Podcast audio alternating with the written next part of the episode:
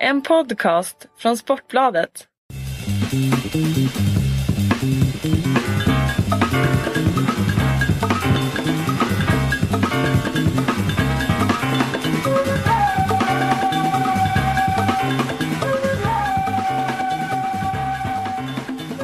Framför mig så sitter Jonna Aderteg.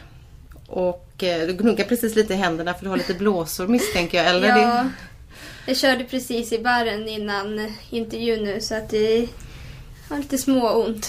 precis, hur, jag får se där. Är det, ja, åh gud, ja, det, det syns ju inte här igenom. Men, men valkarna kan man inte säga att eh, de kommer inte undan. De finns där. Ja, de, de finns här. Gör det extra, är det just barren som, som eh, gör ont, eller mest ont förstås? Ja, ja, men det är därifrån det kommer. Mm. Men ni har skydd va? Men de... eh, Ja, jag har skydd men eh, tydligen så hjälper det inte jättemycket mina händer. Det blir så här i alla fall. Men du, alltså hur, hur eh, nu sitter jag på, på Jonas händer och det, det är stora, stora, stora valkar liksom. Hur eh, får du bort dem? Går du på att få hjälp med det eller hur? hur Nej, men vissa eh, tar en fil och filar men när jag gör det så händer det ingenting. Så jag, ibland så får jag typ ta och klippa i dem.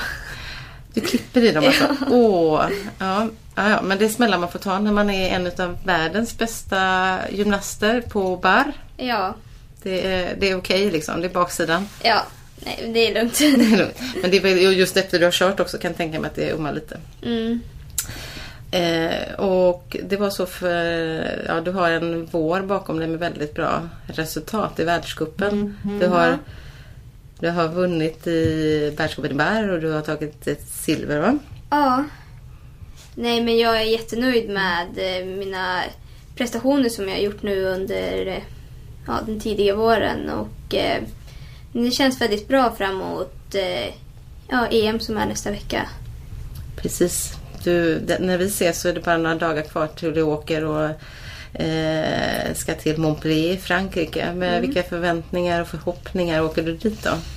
Eh, men jag försöker liksom hålla mina förväntningar ganska låga eh, och mest eh, fokusera på min prestation. Vilket jag alltid gör.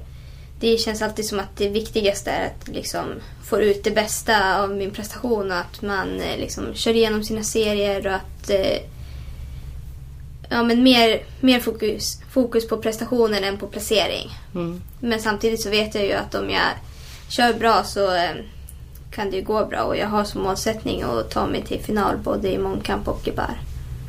Precis, och i bären satte du eh, personligt re- rekord i kvalet här för några veckor sedan i världscupen. Det var innan finalen och det var över 15. Var det sån här magisk gräns? Ja, men det är verkligen en så här drömgräns som man eh, ja, men har drömt om att upp, uppnå. Och eh, ja, men det var väldigt, väldigt kul att komma upp i den poängen och liksom veta att man har den kapaciteten. När man har passerat en sån gräns, händer det något inombords då? Att man, vet, någon spärr som släpper? Eller hur ska du beskriva det? Nej, men jag skulle säga liksom att det... Ja men framförallt att man liksom förstår att man... Vad man kan och att man liksom eh, verkligen att det är möjligt att komma upp i den eh, nivån och i den poängen. Vad är maxpoängen? In- vär- Världs... Det borde jag ju kollat upp då, men... men, vad, Mm. Nej, men det finns ingen... Det finns ingen maxpoäng på det sättet utan man kan egentligen nå hur hög poäng som helst. Jag menar, hur långt har någon nått? Vad är den Eh, högsta poängen? Vet du det? Alltså, jag tror... Vet inte riktigt, eftersom att de byter i reglementet hela tiden så eh, kan det ju liksom... eh, Så inom gymnastiken så följer man inga liksom så här världsrekord för att det ändras hela tiden och det är olika med olika domare och, och så. Men upp mot 15-5 tror jag i alla fall. Men då, då är du kittlande nära. Ja, Ja. Eh, och just domarna som du pratade om. Eh, vet jag inte hur många domare som var just på de här senaste världscupstävlingarna som kommer vara på EM. Men jag misstänker att några av dem är där. mm. Många kanske. ja men det är de... eh, Det var många av de riktigt duktiga domarna och de som kommer vara på EM som har varit på de här världscuperna. Så det är jättebra för mig att ha liksom varit där och visat upp sig och visat eh, vad man kan och eh, vilka poäng man kan uppnå och så. Hur mycket sitter det liksom hos domarna? För det är ju en bedömningssport också då att, att, att, eh, att de har, det på näthinnan vad du gjorde några veckor tidigare. Eh, Ja, men jag tror att det betyder väldigt mycket. Det är ju som sagt en bedömningssport och eh, ja, men, vad domarna tycker spelar väldigt stor roll. Och det kan skilja sig ganska mycket på samma serie på po poängen eh, beroende på vilka domare det är som är där. Och om de har liksom sett den och man har visat upp sig och de har liksom sett att man kan uppnå höga poänger så har de liksom det i baktanken förmodligen när de dömer. Och det kan man fjäskar inte med domarna sådär? Man går inte förbi och ler lite extra? jo, men det försöker man ju göra. Men det tror jag alla gör. Har du några knep där? Nej, jag försöker bara vara trevlig och så. Så man råkar liksom hamna i, på hotellet, i samma hiss liksom. Ja. Är det, pratar man då? Eller? Ja, men då är det liksom hello, hello. Mm, försöker jag vara lite trevlig så, men ja. Ja, för det är en del av mm, sporten liksom? Ja, men man, nej, men man har väl alltid respekt för domarna och försöker hålla sig på bra sida med dem. Som att det är ju de som ger poängen i slutändan. Men du, du har inte sett några så här konstiga knep som några konkurrenter använt mot domare som du har tänkt att du vet, kommer med äpplen eller nej. mutor? Eller? Nej, nej, nej, något sånt har jag inte sett. Jag tror att... Jag, jag hoppas att det inte försiggår. Vad bra annars om man smyger upp en liten -huh. present sådär på rummet liksom. -huh. Förhoppningsvis så är domarna så pass professionella så de köper inte det ändå. Ja. Men, men intrycket på något sätt ändå hur man uppför sig kanske ändå liksom sätter avtryck. Ja, men jag tror det. Det tror jag. De är ju trots allt liksom människor. Mm. Så. Eh, vi ska återkomma till det för det är så mycket som är spännande där. För det är, en, det är en sport som är en otroligt fysisk prestation men du, du, du har ju också det här konstnärliga liksom att mm. du måste visa, liksom, hålla min och ja. vara stark på andra sätt. Men, mm. men om vi bara håller oss fast lite vid, vid EM så är det Barren som du ändå ser väl som din främsta liksom, medaljchans? Eh, ja, absolut. Det är ju bara åtta stycken som går till final i bar och eh, det är ju eh, ja, men betydligt svårare att ta sig till final än i mångkamp där det är 24. Men sen när man väl är i final så är det ju närmare en medalj än i mångkampsfinalen då. Och mångkampen, nu var du i, i den, på den senaste världscupen också i final i Bomo fristående. Bomo fristående var ja, Jag körde inte hopp för att eh, om man ska kunna komma till en final i hopp så behöver man hoppa två hopp. Men för att tävla mångkamp så behöver man bara ett hopp. Så jag har bara ett hopp. För att hopp är inte min starkaste gren. Mm. Så att eh, jag körde bara tre grenar på världscupen. Men alltså att ändå nå till final i tre grenar det bottnar ju för att du kan nå långt i mångkampen också på EM. Ja, jo men, eh, nej, men jag är en jag skulle väl säga att jag är en eh, mångkampsgymnast och bargymnast. Så att jag satsar både på mångkamp och bar. Eh, din barrserie då? Är det en serie som du känner något liksom som extra inför? För det är en serie som du har jobbat med en del och utvecklat. Väcker den starka känslor inombords? ja. liksom? Eller blir man kär i sin eh, barrserie? Jag kan väl säga så att när den funkar bra så är vi bra kompisar. Men den kan väl också göra en väldigt arg okay. om det inte mm. funkar. Eh, så att eh, ja, det är väl en eh, lite både och. Lite varierade känslor till barrserien kan jag säga.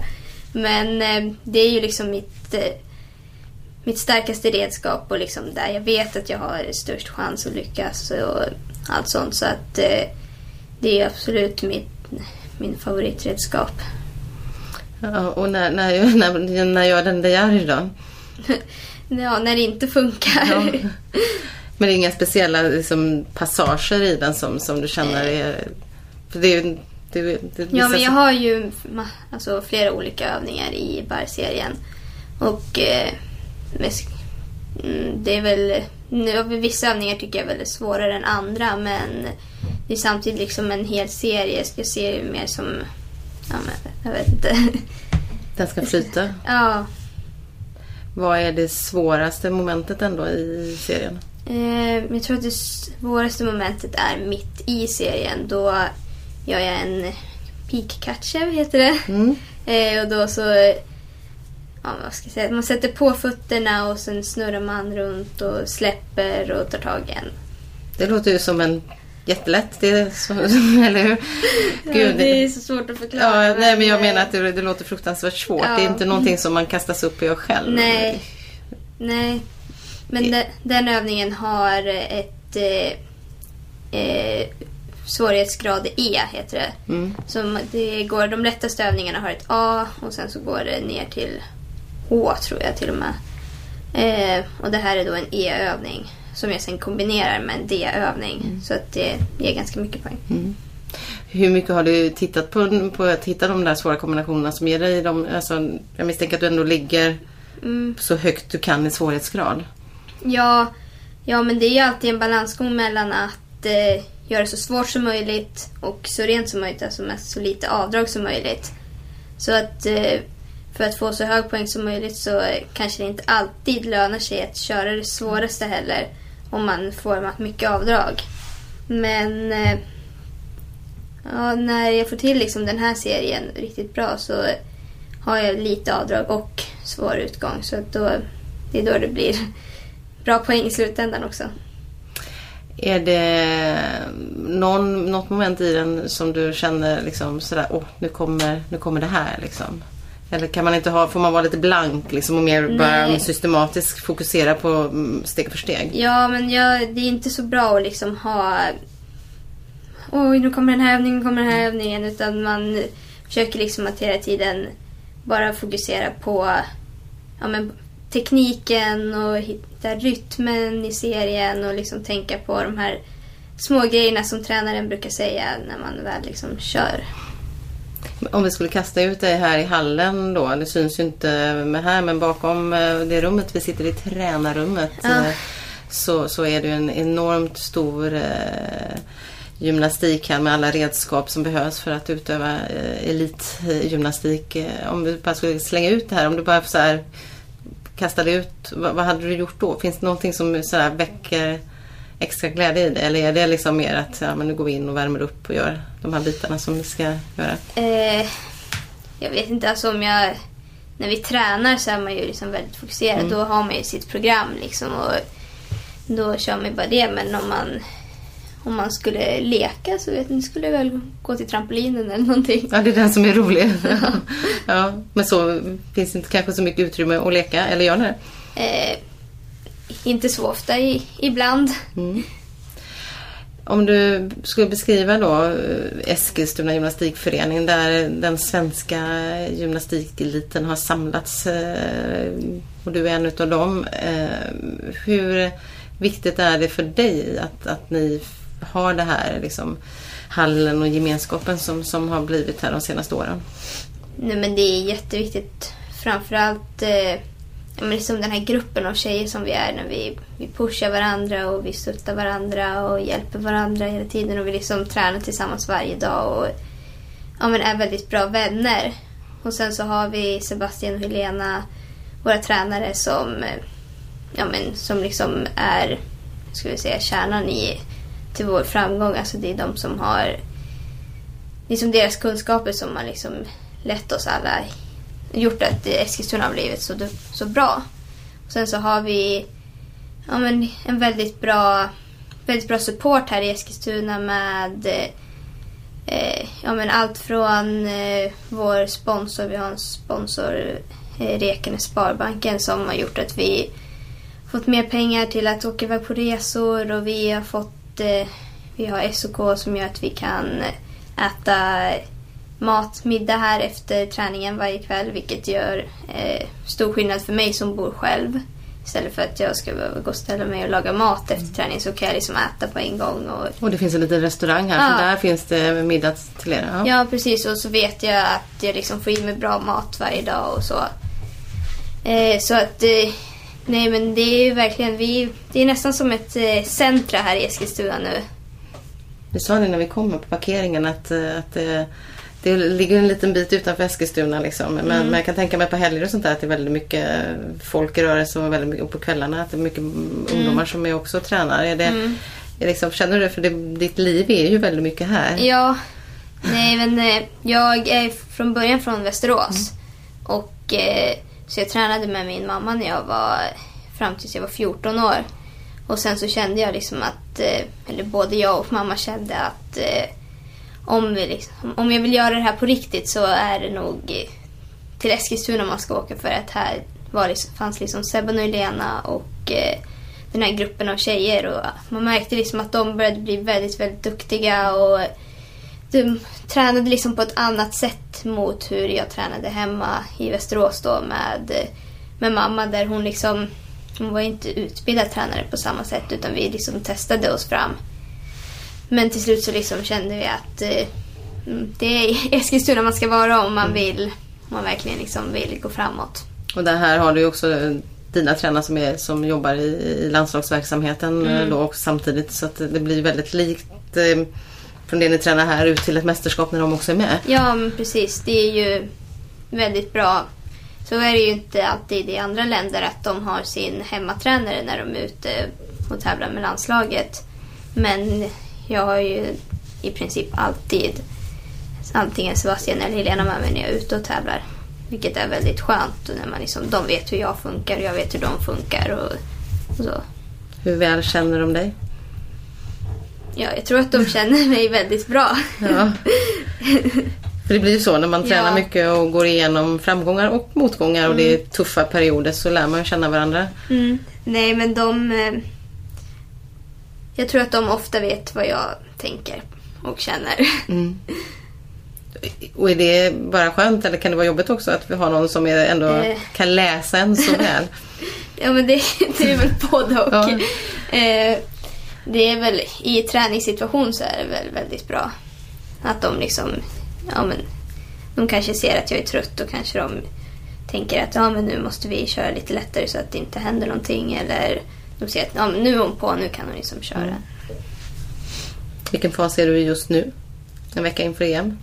Ja men just nu är jag liksom igång. Nu är så, nu så är det bara egentligen nu är det egentligen den lättaste perioden kvar skulle man säga. När man trappar ner lite grann, kör lite färre antal, finputsar. Energin i benen kommer. Mm. Släpper på det lite. Känner du det? Ja. Eller har det börjat släppa så pass nu eller? Ja, nej men jag kände på tävlingen nu i helgen att det kändes väldigt bra. Så att mm. Och då har du ändå ett litet snäpp till kanske? Mm, mm. Precis. Mm. Men du, beskriv då, hur ser din vardag, liksom, träningsvardag här ut? Du flyttade från Västerås eh, hit och mm. bor ensam. Ja. ja. Eh, du fyller 20 ja. i år. Ja. Mm. Så du är inte jätteung men Nej. ändå ung. Skulle kunna laga mat själv. Ja, absolut. eh, nej men jag... Eh, ja, en vanlig dag när vi tränar två pass så börjar vi halv åtta. Och så tränar vi till halv elva. Så då tränar vi tre timmar. Sen så eh, åker jag hem och eh, lagar lunch och vilar lite och ibland så åker jag iväg och fixar något ärende eller vad jag nu för mig. Eh, sen så börjar vi träningen igen klockan tre. Och så tränar vi till halv sju. Och sen så äter vi middag tillsammans och pratar lite och sen så åker jag hem. Och då behöver man sova, låter ja, det som. Typ. Många timmars träning. Ja. Sen är det ju många timmar ute i hallen men det är också kanske inte alla effektiva timmar för det är mycket moment där ni liksom... Mm. Eh, ja, det är ju inte så att man liksom är ute och springer i Nej. tre timmar i rad utan man... Man liksom kör ju och sen så får man koncentrera sig och så kör man igen. Men det är ju ändå aktiv tid men det är ju inte som att... Ja, vad ska jag säga? Det är ju inte som att springa... Vara ute och springa i tre timmar liksom utan... Nej, men det är tuff träning och det är, det är många timmar. Vad i träningen är jobbigast liksom fysiskt och mentalt? Eh, fysiskt så är det väl... I vissa perioder så kör vi ganska tuffa uppvärmningar med mycket fys och styrka och sen liksom i uppbyggnads perioder så är ju styrkan väldigt tuff. Sen så är det ju också tufft när man ska gå från att börja att köra sina moment till att börja sätta ihop dem i serier. Det tar ju väldigt mycket på kraften om man liksom kör ett moment och sen går man och vilar jämfört med om man ska köra åtta moment i rad. Liksom, till exempel i baren eller på bommen eller var som helst blir det tuff träning. Men sen i den perioden jag är i nu så är liksom inte mina serier är inte jobbiga längre. Det är inte som när jag körde första gången i bären och tyckte att det var jättejobbigt. Utan nu har jag liksom jobbat upp formen så att nu är det mer mentalt. Det är mentalt att man liksom... Ja men så, nä- så nära in på tävling så vill man liksom att det ska sitta varje gång och man vill liksom förbereda sig. Så då är det mer mentalt tufft. Hur eh, får du hjälp mentalt där? Så har ni mental tränare också eller är det tränarna så här Eh. som, som hjälper och stöttar er? Eh, ja, nej det är tränarna. Men, och vilket har funkat väldigt bra för mig i alla fall. Och eh, ja. Men du, mamma där då som, som, som var din tränare länge, vilket är nog rätt vanligt för, inom Ja. många sporter runt om i landet. Eh, Beskriv där då, er resa tillsammans. Hur liten var du när du började? Eh, jag var ungefär tre år tror jag. Så att mamma hade åkt på med gymnastik när hon var liten. Inte på någon hög nivå, men hon hade tyckt att det var väldigt kul och därför så tänkte hon att ja, men hon tyckte att jag skulle få chansen att testa och se om jag också tyckte att det var kul. Så hon startade en barngrupp tillsammans med några kompisar och sen då var vi liksom i en skolgympasal och körde lite lekar och ja, sådana saker. Och sen så så märkte hon väl att jag hade talang för det. För gymnastik i alla fall lite grann. Så att det blev ju ja, men duktigare och duktigare. Sen så fick vi börja träna i en riktig gymnastiksal och sen ja, liksom bara har det flytit på. Jag har alltid tyckt att det har varit väldigt kul och alltid varit väldigt envis och velat vara bäst. Och ja, när jag var liten jag var helt, helt hopplös. Ja, Säger du själv? Ja, men jag förstår inte hur mamma orkade med mig. Om någon annan klarade en övning först, då var det liksom katastrof. Aha, då blir du arg. Ja. Ja. Eller om jag inte klarar någonting. Eller, ja. Vad- Hur, började du gråta då? Eller? Ja, och blev jättearg. Och vi fick åka extra till träningshallen för att, för att jag behövde klara saker tyckte jag. Och ja. Men, eh, men, jag, ja, men jag utvecklades hela tiden och liksom har alltid, måste jag säga, så jag har liksom alltid varit i, i toppen i Sverige liksom bland gymnasterna i min ålder. Men sen så när jag kom upp, när jag liksom började märka hur, hur hårt de tränade här i Eskilstuna och hur duktiga de blev så kände jag liksom att, eh, att jag, nej men jag förstod att det är liksom här man ska vara om man verkligen vill lyckas. Och jag hade aldrig liksom nått den nivån jag är på nu om jag hade fortsatt med mamma utan det är verkligen tack vare Sebastian och Helena. Och det är klart, man kommer man till en elitsatsning så Ja. kanske man behöver liksom eh, en annan kunskap då Ja, men bakom. Då. precis. Men 14 är ändå rätt länge med Mm. mamma. Han är liksom eh, tonårsarg på en också. Jag kan tänka mig att man har den här mamma-dotter-relationen Eh, som ja. kan blir påfrestande i en gymnastikhall. Ja, verkligen. Och eh, nej, men jag tycker verkligen att jag har mycket bättre relation med min mamma nu när det bara är min mamma än när det var både och och jag var tonåring och det var ja, nej, men det var nog skönt för oss båda när jag, när jag bytte hit.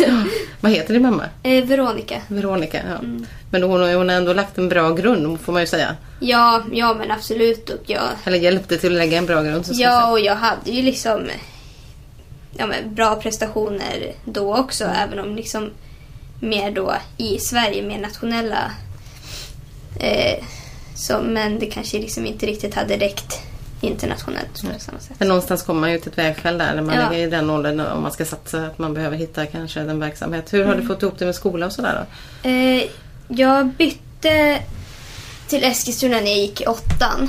Så då i åttan så gick jag kvar i skolan i Västerås och sen så fick jag skjuts varje dag fram och tillbaka. Eh, vilket var ja, men påfrestande såklart.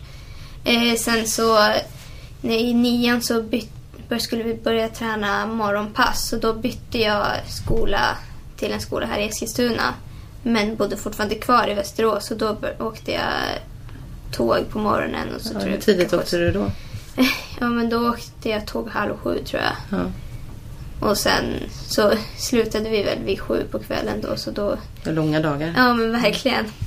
Eh, så sen när jag började gymnasiet så flyttade jag hit till en lägenhet. Eh, ja, sen så gick Så du jag... flyttade hemifrån när du började gymnasiet? Ja. det är ändå hyfsat tidigt. Mm. Men det fanns, jag kunde ju åka hem på helgerna och så, så att det var ju ändå okej. Och eh, ja, men sen i gymnasiet så gick jag en eh, linje som hette samhälle idrott. Så då kunde jag träna en del under skoltid. Och sen så hade jag ganska anpassad skolgång i och med att jag liksom kom ofta sent och gick tidigt. Hon att var borta på träning. resor Ja, och men missade precis. mycket, Så ja. att jag fick ju göra väldigt mycket hemma och väldigt mycket eget ansvar. Ehm, och eh, ja, men jag pluggade väldigt mycket kan jag märka efteråt. Nu när jag har gått ut gymnasiet det är väldigt skönt att Och slippa. Ja, verkligen. Och liksom Ja. kunna ja, men istället åka till, eh, tillbaka till lägenheten mellan passen och Mm. vila istället för att eh, eh, åka till skolan och sen på kvällen kunna ja, men titta på TV eller ja, vad som helst istället för att jag satt liksom och pluggade. Mm. Jättejobbigt. Och gick ut med bra betyg då eller? Eh, ja, ganska. Mm. Typ. Precis, och det, och det eh, hänger det ihop med din inställning på, på gym- gymnastiken? Att Eh. liksom ändå vara duktig liksom? Ja, men det tror jag. Jag vill jag har alltid varit bäst på allting och jag vill ju ha liksom högsta betygen i skolan också. Precis som att jag vill eh, ja, men bli bäst i gympan.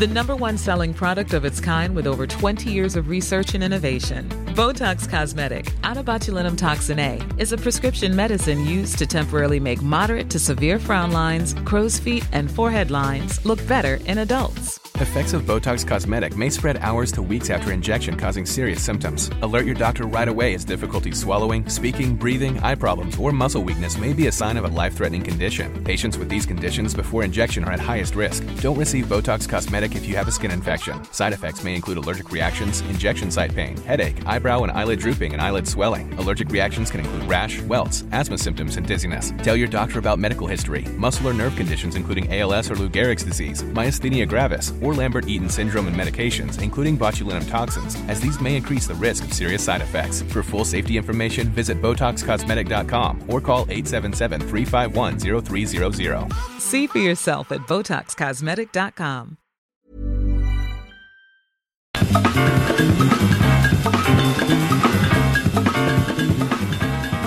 Men du, skolan är avklarad men, men eh, hur får du pengar nu då? Har du, har du, du tjänar kanske inte miljoner som fotbollsstjärnorna eller? Nej, Nej. men, eh, nej, men jag har stöd från SOK. Så därifrån får jag som ett stipendie. Vilket eh, ja, men är jättebra. Det, annars hade jag ju liksom varit arbetslös. Nu känns det ändå som att jag har det här lite grann som ett arbete. Även om det liksom inte är ja, men som om jag skulle kunna ta ett riktigt jobb. Men eh, Nej men det är jag väldigt tacksam för och det liksom gör verkligen att jag kan satsa ordentligt. Så du har liksom den ekonomiska eh, förutsättningen ändå för att kunna liksom... Ja, med lite hjälp från mamma och pappa fortfarande. Ja, det är så? Ja. ja. Men eh, det är ändå, kan säga, det blir bättre och bättre. Så att, Men privata sponsorer, hur funkar det? På, i, för gymnastiken är ju en internationellt sett en jättestor sport och, Mm. och svår sport men eh, får inte det utrymmet i svensk eh, media till exempel? nej, det är inte så, så lätt att hitta sponsorer. Eh, jag har inga personliga sponsorer utan det enda... Har du inga personliga sponsorer? Nej. Uff, ja. Eh, utan det enda vi har är liksom den här eh, eh, som sponsrar Eskilstuna, alltså vår, vår träningsgrupp. Eh, Rekane banken då. Men du har liksom inga... Du har, du har inte, nu kommer jag här. Du har inte byggt ditt personliga varumärke. Nej. Nej. Nej. Nej. Men det är ju rätt vanligt annars att många som, som har individuella idrotter att, de, att man får göra det. Mm. Du tränar. Ja. Ja, det är där du lägger din tid. Och då när vi tittar här på det här laget eh, så ska ni på lag-VM, så är ni kvalificerade till, eh, till hösten är det. Eh, Och kan kvala till ett OS med ett lag. ja, Det hade ju varit lite stort om Ja. Sverige hade lyckats med det. det hade varit väldigt stort. Det är ju första gången Sverige är i en sån här situation där vi liksom har chansen att eh, ja, men kvala vidare. Det är första gången vi liksom kvalat vidare från förra VM. Eh, och eh, nej men vi tränar på väldigt hårt nu inför, inför det VMet och vi, ja, men vill verkligen göra vårt bästa för att eh, nå så långt som möjligt. Och det tänker jag på när man varit på, på OS och sådär när de spatserar in, eh, spatserar gör ju gymnaster. Ja, Eh, så när de kommer liksom Kina, USA, så här, det, det ser ju väldigt maffigt ut. Mm. Eh, Och så kommer alltid då svenskarna, du eller Veronica, kommit ensamma liksom. Ja. Hur mycket skulle det betyda för dig att få vara på ett, med ett lag på OS 2016? Mm, Det är väldigt stor skillnad att åka iväg på sådana här tävlingar som lag jämfört med att åka själv. Eh, jag har egentligen bara varit på VM eh, som ett riktigt lag där man liksom har, det har varit ett starkt lag. Eh, annars så har jag oftast varit själv eller tillsammans med någon gymnast. Jag har varit med Ida Gustafsson väldigt mycket och eh, någon gång med Virre, Veronica. Eh, så att det, det gör liksom, det blir ju en helt annan grej att åka som ett lag då när man både utanför hallen och inom träningen när man liksom kan hjälpa varandra lite mer och man, ja, man liksom får lite mer gemenskap liksom. Men um, framförallt så är det väl stor skillnad utanför hallen. Ja, ni hinner ha lite kul Ja. ihop liksom. Ja. Hinner göra annat än att ligga på hotellet och fundera på, på, på, på blåsorna på händerna. Ja, eller något. men du, eh, i laget då så finns ju Virre, Veronica Wagner som har varit en stark eh, symbol för den svenska gymnastiken. Hur viktig Mm. är hon för dig? Men för mig är hon ju en kompis. Ja. Precis, ingen Eh. symbol för svensk gymnastik utan en kompis. Nej. ja, men- Ja. Man, men det blir ju så. Det, även om när jag var liten så såg jag ju upp till Veronica eh, eftersom att hon var ju Sveriges bästa gymnast och så. Men eh, allt eftersom man liksom har blivit duktigare och duktigare och äldre så har man liksom mer ja, men blivit kompisar och just nu så ser jag liksom henne som min träningskompis och eh, självklart så har hon ju väldigt mycket erfarenhet och eh, ja, men hon, hon är väldigt kunnig också inom gymnastiken. Hon är väldigt, hon verkligen, precis som jag älskar gymnastik och har, är väldigt insatt i ute på Facebook mycket och liksom kollar allt som händer så att eh, på det sättet är hon ju väldigt bra. Hon, har- hon vet väldigt mycket. Hur är, oftast. hur är hon som kompis då? Alltså, för hon, hon verkar ju vara en tjej som kan ställa krav. Liksom. Ja, eh, men det är jag också. Så att... Eh, nej, men, eh, nej, men hon är en väldigt, väldigt snäll tjej och eh, väldigt rolig och eh, kul att prata med och eh, så. Ja. Och hon har dessutom hunnit med en sväng som expertkommentator. Det var hon väl under OS va? Ja, Eh, hur var det då? För helt plötsligt satt hon i en annan roll och Ja. skulle kritisera dig. ja, jag har faktiskt eh, inte hört så mycket vad mm, hon har pratat om. Men eh, jag hoppas att hon var snäll. Ja. Så bra saker. Det jag har hört har varit bra saker. Så att, Du har inte, vågat, du har inte lyssnat på eh, sändningarna efteråt? Ehm, jag vet inte. Jag har, väl, jag har väl hört en del men det har väl varit det. Det har väl låtit bra då. Ja, precis. Men sen har hon då gjort den här comebacken. Är, är, är du ändå eh, imponerad över att, att hon klarar av det med tanke på att eh, hon är ju ändå äldre och eh, Ja. det, det är ju en tuff liksom. Nej men jag Resan. förstår inte hur hon gör det. Hon var liksom borta i, jag vet inte om det var två eller tre år. Sen kom hon tillbaka och tränade hon några månader. Sen är hon liksom inne i det igen.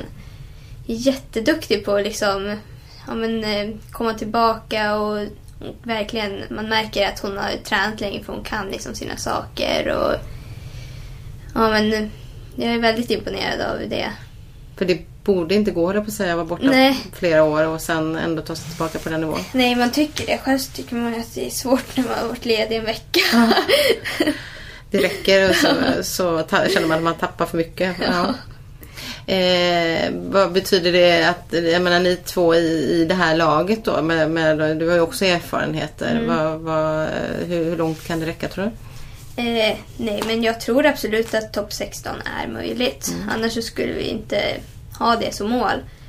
Eh, men det gäller ju verkligen att alla, att alla håller sig hela och att eh, om man liksom fortsätter träna på. Att man, ja, försöker höja sig hela tiden och eh, ser varje dag som, ja, som, som att varje dag är viktig och allt det här. Om man tittar på gymnastiken då, så pratar man mycket om de här timmarna, liksom de extrema mängdträningar ni lägger Mm. ner och eh, tidiga år. Mm. Eh, och det finns också många som är kritiska och tycker att eh, mm, föräldrar och ledare pressar barnen liksom, och ungdomar alldeles för hårt. Det är en sak kanske när man är 20 för då Mm. Ja. kan man ha, ta ställning själv. Ja. Hur, hur har du sett på den Alltså den kritiken som har varit, för jag misstänker den kan du inte ha undgått ändå Mm. Nej. liksom.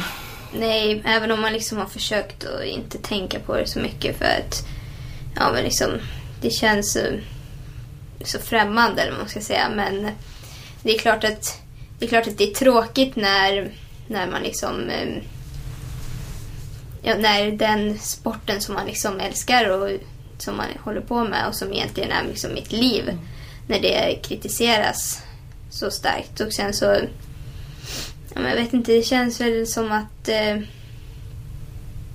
det, det enda som jag tyckte det kändes som var att det pratades mycket men det var aldrig någon som var och liksom tittade på vår träning eller var liksom inne i hallen och ja, men, eller frågade oss gymnaster eller sådana saker. Under vilken period? Var det, När det kritiserades, Den här, när det liksom det kom en utredning, ja. ja. det kom en utredning 2012 tror jag det var. Mm. Där gymnastik för, kritik och gymnastikförbundet själv har ju också tittat på, på hur det verkligen ser ut. Men under, det var under den perioden menar du när det Mm. Ja. var så stark kritik? Ja, Var då du kände att det då liksom kom det ingen hit eller ingen Nej som... men det som, känns som att det kanske hade varit bättre om eh, media eller eh, ja, men de här utredarna hade varit med en vecka i hallen och liksom tittat och sett hur träningen var och hur vi gjorde och istället för, ja jag vet inte, bara skriva. Mm. Jag tror att en del av utredningen, om jag inte minns fel, var grundad på djupintervjuer med ledare Mm. och aktiva. Eh, då får man vad folk säger men det Mm. kanske inte var så att folk var ute och tittade. Nej, För du har inte Nej sett... men det är ju också svårt. Eh, Jag var under 18 då och i princip alla gymnaster var ju under 18 så inga av dem var ju med i de här in- djupintervjuerna. Okej, var det bara Det gymnaster var bara över? över 18 Ja. och det var typ Du, var aldrig, du fick Nej. aldrig liksom bli tillfrågad att vara med på en djupintervju? Nej. Nej, och eh, så att det var väl ungefär från kvinnliga AG så tror jag det var två gymnaster eller någonting som blev intervjuade. Men eh, ja, För det var ändå mot kvinnlig AG, alltså artistisk gymnastik, som det var Mm. en stark, ännu starkare kritik riktat. Eh, eh, att framförallt att ledare och att ni pressades. Ni säger jag då, utan Ja. att det men det blir ju så. ja men du, ja. Ja. Har du upplevt att du har blivit pressad för hårt någon gång? Nej, alltså jag tror tvärtom att eh, mina tränare håller mig tillbaka lite grann. Om jag skulle träna mig själv då skulle jag nog pressa mig själv ännu mer. Men du har inte någonstans på vägen liksom upplevt att det funnits en, en, en liksom, eh, omedveten press på, på, liksom, eh, på, på dig att, att liksom göra saker som du känner nej men det här vill jag egentligen inte men jag gör det för någon annan vill det. Nej, alltså det är ju... Jag tränar ju det här för att jag vill det och för att jag älskar gymnastik och... Eh, ja, jag, jag vet inte vad jag ska säga. Nej men du har inte känt det Nej. själv någon gång att det har varit eh, situationer som har, har varit konstiga eller som du inte har velat liksom vara med om? Nej, absolut inte. Jag, eh, jag känner mig väldigt trygg i ja, men liksom med mina tränare och med den här gruppen. Och, ja. Kan det varit också, jag men, tänker om du ändå har tränat med din mamma så har du haft också en annan eh, som omhändertagande syn från din ledarsidan. Liksom. ja, men eh, precis. Jag, för mig har det ju alltid varit, när jag var liten så tränade jag liksom med mamma och vi tränade ju för att, för att det liksom var kul och jag hade liksom mina kompisar där och så att hela den här liksom pressade, ja men att tränarna ska liksom pressa och föräldrarna ska pressa har ju, är för mig väldigt främmande i alla fall. Har du sett något då, någon gång som du har reagerat på? Nej, jag, eh, jag har aldrig sett någonting som liksom har känts konstigt eller så. Men just den här kritiken som kom, kan du säga att det ändå har blev en utredning som ledde till något positivt? För man, man, man lyfter ju ändå på problematiken Ja. och har satt till massa åtgärder som gör att man ska ha bättre stöd för, nutrition och psykosociala insatser. Att det finns en bättre, förhoppningen är ju nu då eh, att det ska finnas en bättre apparat kring många klubbar, eller som alla klubbar i landet. Eh, Kan, kan du se att även om det var negativt mot den sport du älskar, Ja. att det ändå var, var bra liksom? Eh, jo, men jag tror att det var bra. Eh, ja, men framförallt liksom att eh, jag tror att Gymnastikförbundet liksom har hade någon, eh, någon kurs tror jag för alla ledare och sådana saker. Men sen så tror jag, jag tror egentligen i så fall att det eh, har blivit bättre för andra klubbar. För att tror att vi i Eskilstuna hela tiden har liksom haft det här i och med att vi har haft SOK och vi har haft eh, så har vi liksom hela tiden ja, men, haft hjälp med kost och med eh, alla liksom olika bitar. Men jag, kanske för andra föreningar att de har fått ännu mer hjälp. Jag vet att vi skrev ju, vi hade ju också några, eh, i Sportbladet en granskning där det hade varit ledare, föräldrar som hade använt nålar för liksom på, på barn och sånt där. När du läser de här då liksom riktigt eh, dåliga exemplen som, Ja. som ändå bevisligen finns Ja. både kanske inom gymnastiken och inom andra idrotter ska jag säga. För det kan ju dyka upp inom fotboll, hockey och annat också att man Dåliga exempel om man säger så. Ja. Hur reagerar du då? då? Nej, men jag... Jag kunde inte tro att det hade hänt. Jag vet inte. Mm. Det var ju ingen, ingenting jag kände till eller någonting som jag... Jag vet fortfarande inte om det, vad det var för någonting. Kan du tänka när du är utomlands eh, och träffar gymnaster från andra länder, från liksom österlä- österländska länder och kanske Kina. Eh, liksom, hur, hur tänker du kring deras träningsmetoder? Och, och, Ja, alltså jag har aldrig varit i Kina och sett deras träning. Eh, men man vet, alltså man vet ju att de tränar väldigt hårt från att de är små och eh, eh, även i Ryssland och liksom de här länderna. Men jag tror samtidigt att liksom ja, samhället utvecklas ju och det är liksom inte jag tror inte ens i Kina att det är på samma sätt som det var för kanske 20 år sedan. Utan jag tror även där att det liksom ja men att det är lite mer mänskligt eller vad man ska säga. Är, är det det? För jag har funderat lite grann över om man tittar på som konståkning och gymnastik som när jag var yngre, liksom, för 25 år sedan eller 30 år sedan, kändes som att det här, vi kommer aldrig kunna bli bra i det här Sverige. Nej. Men helt plötsligt så, så, så, så är vi där. Vi har Ja. Eh, systrarna Helgesson på konståkningssidan och, och, och du och laget härifrån som, som är topp. Eh, känns som att Sverige ändå helt plötsligt är med i de här omöjliga sporterna. Om jag Ja. säga så. Är, är det den här utvecklingen tror du som har gått att nu tränar ni, nu är det ändå lite mer på lika villkor liksom? Ja, ja men det är det säkert. Men jag tror också att det, det har ju mycket med, med ja, men hur vi tränar. Det är ju liksom, vi har ju i Sverige nu gått ifrån, förut så låg vi ju liksom på samma nivå som övriga i Norden. Finland, och Norge och Danmark. Men nu har ju Sverige gått eh, liksom ifrån det. Så jag tror egentligen jag tror inte egentligen så mycket att det handlar om de andra länderna utan jag tror att det handlar om oss. Vad är, vad är det som eh, Sverige har blivit så mycket bättre på då? Är det träning och kunskap? Ja, det tror jag. Eh, och att vi, vi tjejerna som tränar nu är beredda liksom att verkligen jobba för det och träna. Jag tror att vi tränar mycket hårdare än vad Sverige har gjort förut. Hur många timmar tränar du på veckan? Ungefär? Nej, kanske inte nu när du ska in i ett EM men eh, liksom. Eh, nej, men eh, det är väl någonstans över 30 timmar i veckan. Och det, det är klart att det är mycket och tufft. Hur mycket hinner du med annat? Hur, hur mycket hinner du vara 20-åriga Jonna som ska Eh. ge sig ut på stan och säga? Ja, men just nu så tycker jag att jag hinner med det mycket Ja. jämfört med när jag gick i skolan fortfarande. Så att det är stor skillnad. Vad gör du då, då? Vad har du för intressen utanför gymnastiken?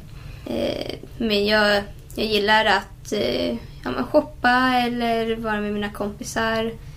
Då är jag oftast med mina jobbkompisar. Så här.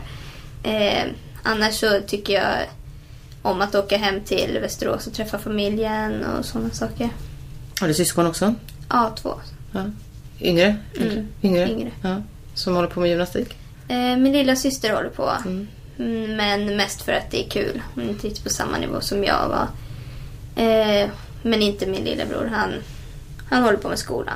Han håller på med skolan. Han på ja. med skolan. Ja, ja, men det är väl bra. Ja. Det är Intresse om man kan, om man kan hålla i det. Du, eh, om man tittar där. Vi pratade liksom ändå timmar och satsning och den resan som du har gjort. Eh, hur mycket skulle du säga att du förändrats liksom rent fysiologiskt? För du ser ju mycket mer muskulös ut nu än vad du gjorde bara tycker jag i London. Men Ja, kanske- nej eller? men det är väl, det är väl eh, naturligt skulle jag säga. Det är någon gång, även om man som gymnast liksom skjuter på puberteten ganska långt och, så måste man ju någon gång liksom gå från att vara flicka till kvinna eller vad man ska säga. Så att eh, det, nej, det är väl naturligt. Och så är det inte bara muskler utan det är mer att Jonna har blivit liksom Ja. en kvinna, ung kvinna istället. Ja. Ja, det tror jag. Ja. Hur är den fasen då? För jag menar det är ju ändå ni har ju kroppen som verktyg. Mm. Hur upplevde du den fasen att gå igenom det? Eh, eh lite blandat på vissa, vissa saker just i eh, att man få, fick mer muskler och liksom mer spänn skulle jag säga att jag har fått. Så att eh, till exempel på fristående så har jag fått mer eh, ja, men hö, högre volter och, och så. Men sen så var det ju tufft när jag växte på längden i barren. kunde man märka att det, efter ett tag så funkade ingenting kändes det som. Men eh, man, man hittar ju tillbaka till det också. Det är ju liksom bara vanesak. Mm. Men var det just eh, liksom längden eh, som, som var utmaningen? Ja, det tror jag. Hur, hur, men, men det är ändå så att man skjuter på liksom, eh, för så mycket träning. Det märkte du också att du kom du senare in i puberteten än vad dina liksom, gymnasiekompisar? Ja, mycket, mycket senare skulle jag säga. Ja. Då visste du vad det berodde på? Ja. Mm, Och det är men- också, det är väldigt bra nu med, än en gång med SOKs hjälp så Mm. jag tror en eller två gånger i året så åker vi upp till Karolinska så gör vi så här kroppsscreening. Mm. Så då så kollar de liksom att allting ser bra ut och så. Så det är ju väldigt bra om, om någon förälder är orolig eller Mm. "Åh, varför, varför är det så här och så här. Då liksom kan de säga att ja, men det är inget fel. Det är liksom ja, bra. Mm. Och det är en naturlig del liksom, Ja, man tränar hårt precis. att man kan skjuta på det. Men, men någonstans så knackar verkligheten en på, på ryggen liksom. Ja, men det... Nej, men jag tycker inte att det har för mig liksom varit att helt plötsligt har eh, liksom hela kroppen förändrats utan det har liksom gått eh, successivt. Mm. Men om man tittar på internationellt så är det ändå så att eh, ålders, alltså man har höjt åldersgränsen va? och sen så är det, tror jag det kom en studie som visade på att eh, de som är framgångsrika och lyckas också på de internationella mästerskapen är, har en högre ålder nu än vad man hade för Mm. x antal år sedan. Eh, Det innebär att du behöver inte vara underbarn och 15-16 för att lyckas gymnastik. Nej. Mm. Vilket vi ser ju också att du peakar ju liksom. Ja. Det är inte så att du är på slutet av din karriär nu Nej. Mm. utan snarare har mycket framför dig. Hur skönt är det liksom, att veta det? Att ja, men, det är inte slut när jag är 20. Ja, men precis. Nej, men det är ju jättekul att det kan vara så. Det är, ja, men, eh, även om min satsning just nu är mot 2016 så känner jag att, eh, att jag fortfarande har mycket att ge och att det liksom känns inte som att det kommer vara slut efter 2016. Men, ja, men hade det varit eh, för några år sedan så hade det kanske varit slut efter 2012 redan. Ja, men så precis. Och då så känner jag väl kanske att jag inte... Då hade jag ju aldrig tagit ett EM-silver i 2013 eller ja, men då, då mina världscupsmedaljer nu eller sådana saker. Eh, Tidigare år så när det har varit jag vet, Peking-OS så var det mycket diskussion om de här unga kineserna som Mm. hade falska pass. Liksom. Kan du känna det någon gång när du har tävlat att det är orättvist om det kommer 14-15-åriga eh, jättesmå, Mm. givetvis då barn liksom, som på ett sätt kanske har lättare då att genomföra vissa moment. Ja, nej men alltså man, man ser ju alltid de här unga juniorerna som har eh, ja, men som är väldigt duktiga och så men man vet ju att de, de tränar ju också hårt precis som jag gör så att eh, det är aldrig så att man liksom missunnar någon deras framgång. Jag ska säga. Jag tänkte med att man kan bli lite så sur att vi ska liksom... Om, om Ja, det, det, det är klart man kan bli. Det är precis som jag blir sur på Veronica. Hon har varit eh, borta jättelänge, sen kommer hon tillbaka Ja. och kan köra jättebra. Men det, det är liksom... Nej, men det är mer att man inte är sur på riktigt utan man gör det med ett, eh, eh, vad ska jag säga, ett leende på läpparna. Eller, Kan du ändå komma in nu och nu då och känna liksom, men nu är jag snart 20, det blir 20 år liksom. Stark liksom och stor och erfaren liksom. Att du har en annan, kanske liksom en, en annan kropp, en annan, liksom, en annan gymnast än vad du var för fyra år sedan. ja men absolut. Det eh, jag har varit ute och tävlat väldigt mycket. Jag har liksom haft den eh, förmånen att eh, varit hel ganska mycket och kunnat vara ute och tävla mycket så jag har mycket erfarenhet och eh, nej, men jag känner väl liksom att jag vet vad jag kan och att jag kan liksom gå in på tävling med ett självförtroende och jag vet att ja, men folk vet, vet mer och mer vem jag är och att, ja, vad jag kan och sådana saker. Jag Bara återkoppla så ändå när vi pratade du var inne på Karolinska där och att man har koll. Men, men just eh, mat och ätstörningar och sånt där liksom, eh, som är vanligt inom skulle jag säga att det, det är inom alla idrotter liksom, för tjejer. Så. Hur har det varit för dig? Har det någon gång varit någon svårighet? Nej, alltså jag har ju hela tiden eh, haft liksom den här supporten och ja, men från SOK med att fått äta här ute och pratat med dietist om vad, liksom, vad som är bra att äta. Och, så jag har hela tiden haft mer inställningen liksom att äta liksom för att orka och för att prestera för att jag hela tiden vill göra bra i, i liksom på träningen varje gång. Då Kan du känna, jag känner det nu själv, kan du känna liksom just när man är gymnast så att man hamnar i, lite ibland i ett försvarsläge liksom för det man Våran syn på gymnastiken är kanske inte likadan som den är på damfotboll eller Ja, men längdåkning. Charlotte Nej. Kalla som tränar som en Ja. galning liksom och är jättenoga med mat och sömn. Liksom. Hon behöver Ja. inte sitta och... Nej, men det, det är ju så. Det är, men det är väl en, också en av nackdelarna som har blivit efter liksom allt, eh, alla skriverier och så att eh, naturligt så har det blivit så att vi i intervjuer och så liksom har varit tvungna att verkligen ja, men intagit ett försvarsläge och liksom ja, men man, man vill ju verkligen göra man vill ju verkligen att det liksom ska få fram någonting positivt i media istället för att det alltid är det här negativa och så som man ja, framförallt efter skriverierna där att man verkligen fick tänka på vad man sa och eh, ja, verkligen ville ja, men jag tror ibland att det inte blev, blev bra för att eh, man eh, ja, men verkligen behövde ta, in, ta den här liksom försvarsställningen. För om man tänker ur ett hälsoperspektiv så vore det väl jättebra om alla kids som eh, sitter framför sina datorer var en eller två timmar i gympasalen varje vecka. Ja, och- För det är ju en väldigt allsidig sport liksom. Ja men verkligen och jag tror att eh, de skulle tycka att det var väldigt kul.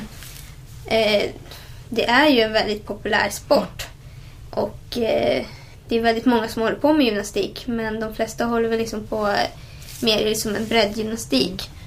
Och det är väl därför sen så blir den här kritiken mot eh, ja, den här övre toppen liksom.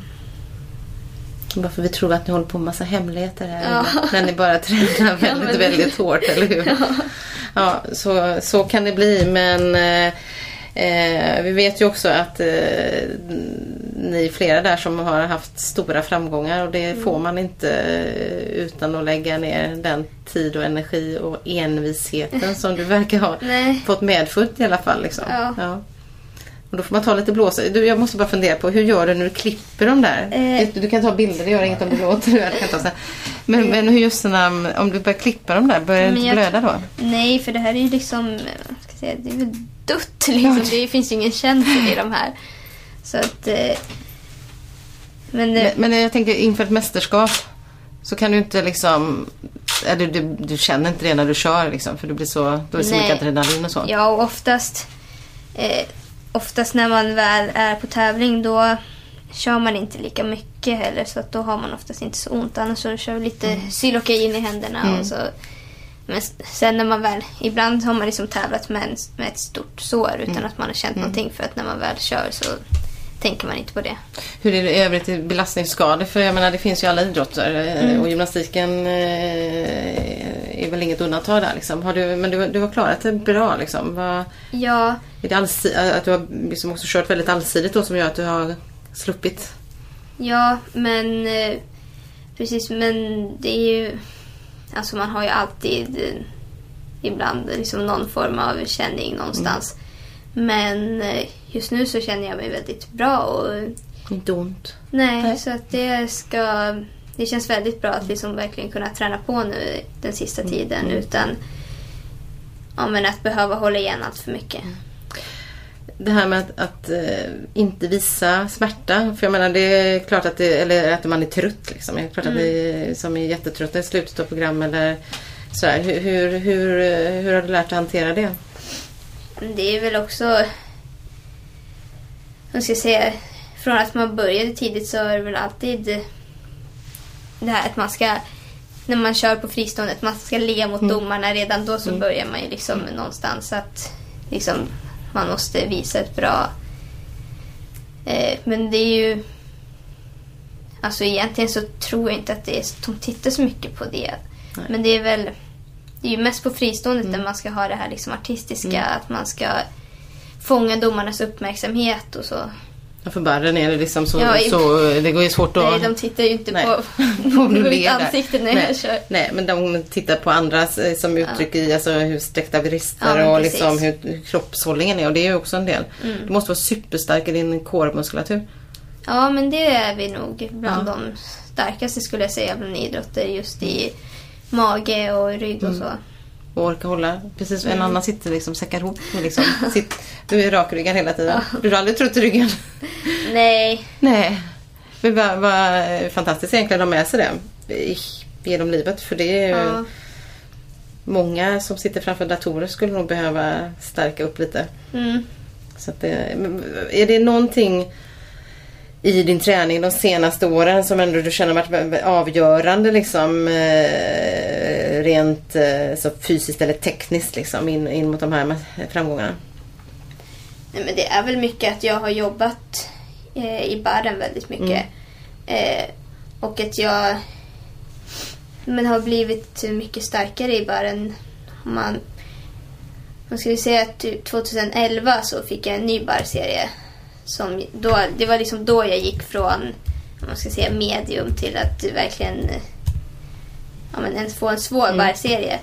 Och det steget var väldigt tufft. Det var liksom väldigt eh, jobbigt att komma igenom den barserien. Och sen har jag sen dess haft liksom svåra barserier som har gjort att jag liksom har eh, jag fått en väldigt eh, bra fysik och att jag liksom har blivit väldigt stark i bar.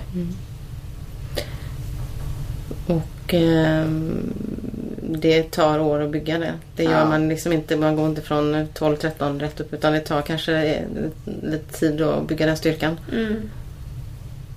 Du är, du aldrig, är du aldrig rädd någon gång? Alltså finns det ett moment som, som är rädd, det är fel ord liksom för du håller på Nej, med det här jag varje dag. Men du förstår vad jag menar? Ja. det finns eh, moment som, som är liksom... Eh, men det är klart att när man testar en ny övning ibland och ibland när man ska testa en ny övning så vet man precis hur man ska göra och då är det inte läskigt. Men ibland så ibland så kan man inte riktigt i huvudet eller i kroppen känna hur, man, hur det ska bli. Och det är väl då i så fall det kan bli läskigt. Men det var ju värre när man var liten. Tyckte jag i alla fall. Så att saker var, kändes läskiga. Det känns inte som att det är liksom ett problem längre. Utan nu så vet man liksom vad man, vad man kan och man har mycket bättre koll på sina saker. Och, Hur trygg är du på bommen? Jag ser den här bakom din rygg. Ja. Hur trygg är du på den? För det känns ju verkligen som att det är en säkerhet. Liksom, att våga lita på att man vet vad man har. Liksom. Mm. Ja, men precis. Och det, det är ju... Just nu så känner jag mig väldigt trygg på bommen. Eh, att jag verkligen jag vet att jag kan de sakerna Mm. jag ska göra och det liksom känns bra. när Men hoppen känns inte lika... Att göra hopp är inte lika säkert för dig. Eh, jag tänker inte jo, på bommen utan jag tänker på... Vad redskapet mm. Upp. Eh, jo, men jag känner mig ganska säker mm. på det också. Mm. Det känns som att faktiskt att jag är väldigt säker på mina saker nu mm. inför mm. EM. Så. Det låter bra. Ja. Då önskar vi lycka till där. Ja, tack. Och tack för att du tog dig tid mitt emellan eh, eh världscup och mästerskap. Ja, det var så lite så. Mm.